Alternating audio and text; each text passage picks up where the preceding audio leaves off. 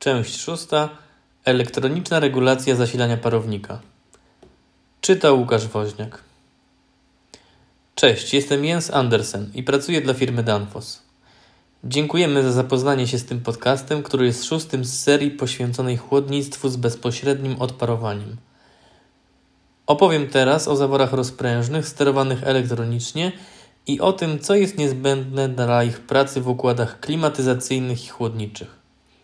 Podobnie jak w przypadku termostatycznego zaworu rozprężnego, chodzi o regulację ilości czynnika chłodniczego dopływającego do parownika, a także o zapewnienie odpowiedniego spadku ciśnienia między wysokociśnieniową i niskociśnieniową stroną układu. Przepływ czynnika przez elektroniczny zawór rozprężny można regulować dwojako: albo płynnie zmieniając stopień otwarcia zaworu za pomocą silnika krokowego, albo w odpowiednim czasie całkowicie otwierając i zamykając zawór za pomocą elektromagnesu, czyli z modulacją szerokości impulsu. Omówię te dwa sposoby bardzo krótko i pokażę wynikające z nich różnice. Najpierw przyjrzyjmy się bliżej regulacji za pomocą silnika krokowego. Przede wszystkim należy zaznaczyć, że stopień otwarcia zaworu zwykle się zmienia płynnie od 0 do 100% i można go ustawić w każde pośrednie położenie. Odbywa się to za pomocą silnika, które zwykle za pośrednictwem gwintowanego trzpienia zaworowego wymusza ruch grzybka w górę bądź w dół, zależnie od kierunku obrotów. Mówiąc najprościej, kierunek obrotów zależy od polaryzacji sygnału elektrycznego trafiającego do silnika. Jest to trochę bardziej skomplikowane, ale do szczegółów wrócę później.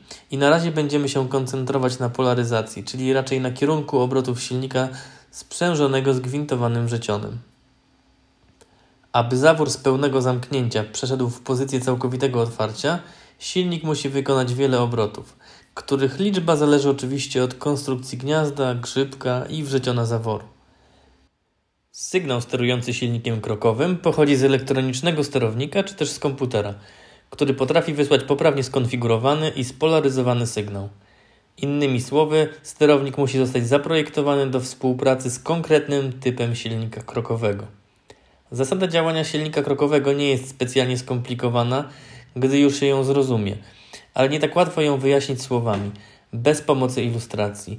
Zatem zachęcam do odnalezienia odpowiednich informacji na ten temat w internecie, na przykład na kanale YouTube.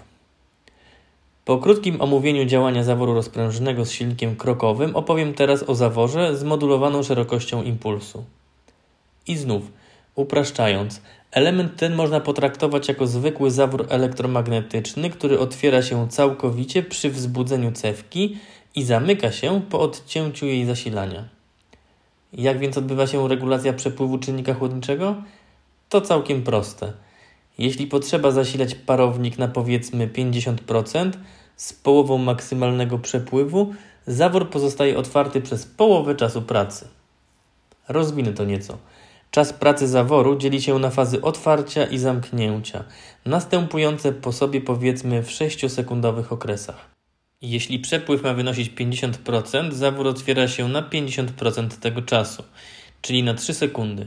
Przez kolejne 50% okresu roboczego, a więc znów przez 3 sekundy, zawór jest zamknięty. Jeśli wymagane jest otwarcie zaworu na 100%, pozostaje on w pozycji pełnego otwarcia przez cały okres 6 sekund. Jeśli przepływ czynnika należy ograniczyć do 80%, Czas otwarcia zaworu powinien wynosić 80% z 6 sekund, co daje nam 4,8 sekundy. Zatem niezależnie od rodzaju zaworu, kluczowy jest tu sposób sterowania.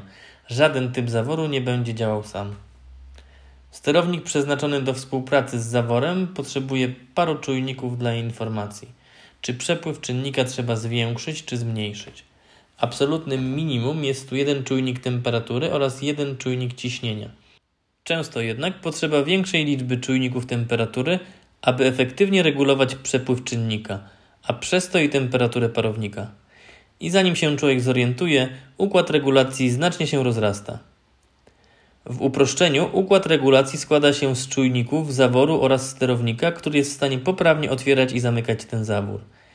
Działanie układu można porównać do sytuacji, kiedy ktoś rzuci do ciebie rozgrzaną śrubę. Łapiesz ją, od razu wyczuwasz, że jest gorąca, receptury wysyłają sygnał do mózgu, Twojego sterownika, żeby puścić śrubę, to też dłoń natychmiast się otwiera. No cóż, ten ciąg wydarzeń jest po prostu Twoją reakcją. Jest to więc zasadniczo reakcja na zaistniałą sytuację. Elektroniczny zawór rozprężny otwiera się i zamyka w reakcji na sygnał z czujników temperatury i ciśnienia napływającego do sterownika. Jest to mniej więcej tyle, co potrafi zawór termostatyczny, który reaguje na sygnały z czujnika temperatury i z zewnętrznego wyrównania ciśnienia.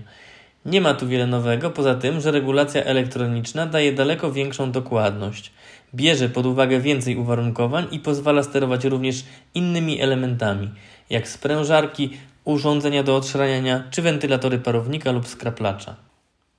Niezależnie od rodzaju zaworu, elektroniczna regulacja zasilania parownika jest o wiele bardziej efektywna, gdyż sterownik posiada daleko większe możliwości adaptacji do zaistniałej sytuacji, wynikającej ze zmian obciążenia, wahań temperatury otoczenia skraplacza i tym podobnych. I znów wszystko polega na odpowiedniej reakcji. Warunki mogą się nieco zmienić, to też potrzeba odpowiedniej reakcji, aby przywrócić pożądany stan. To, czy stopień otwarcia zaworu zwiększy się czy zmaleje, zależy oczywiście od tego, jak zmienią się warunki. Czy sterownik został zaprogramowany do radzenia sobie z takimi zakłóceniami i czy czujniki faktycznie wykryją zmianę. Jeśli więc elektroniczny zawór rozprężny nie działa tak, jak powinien, nie musi to być właśnie jego wina.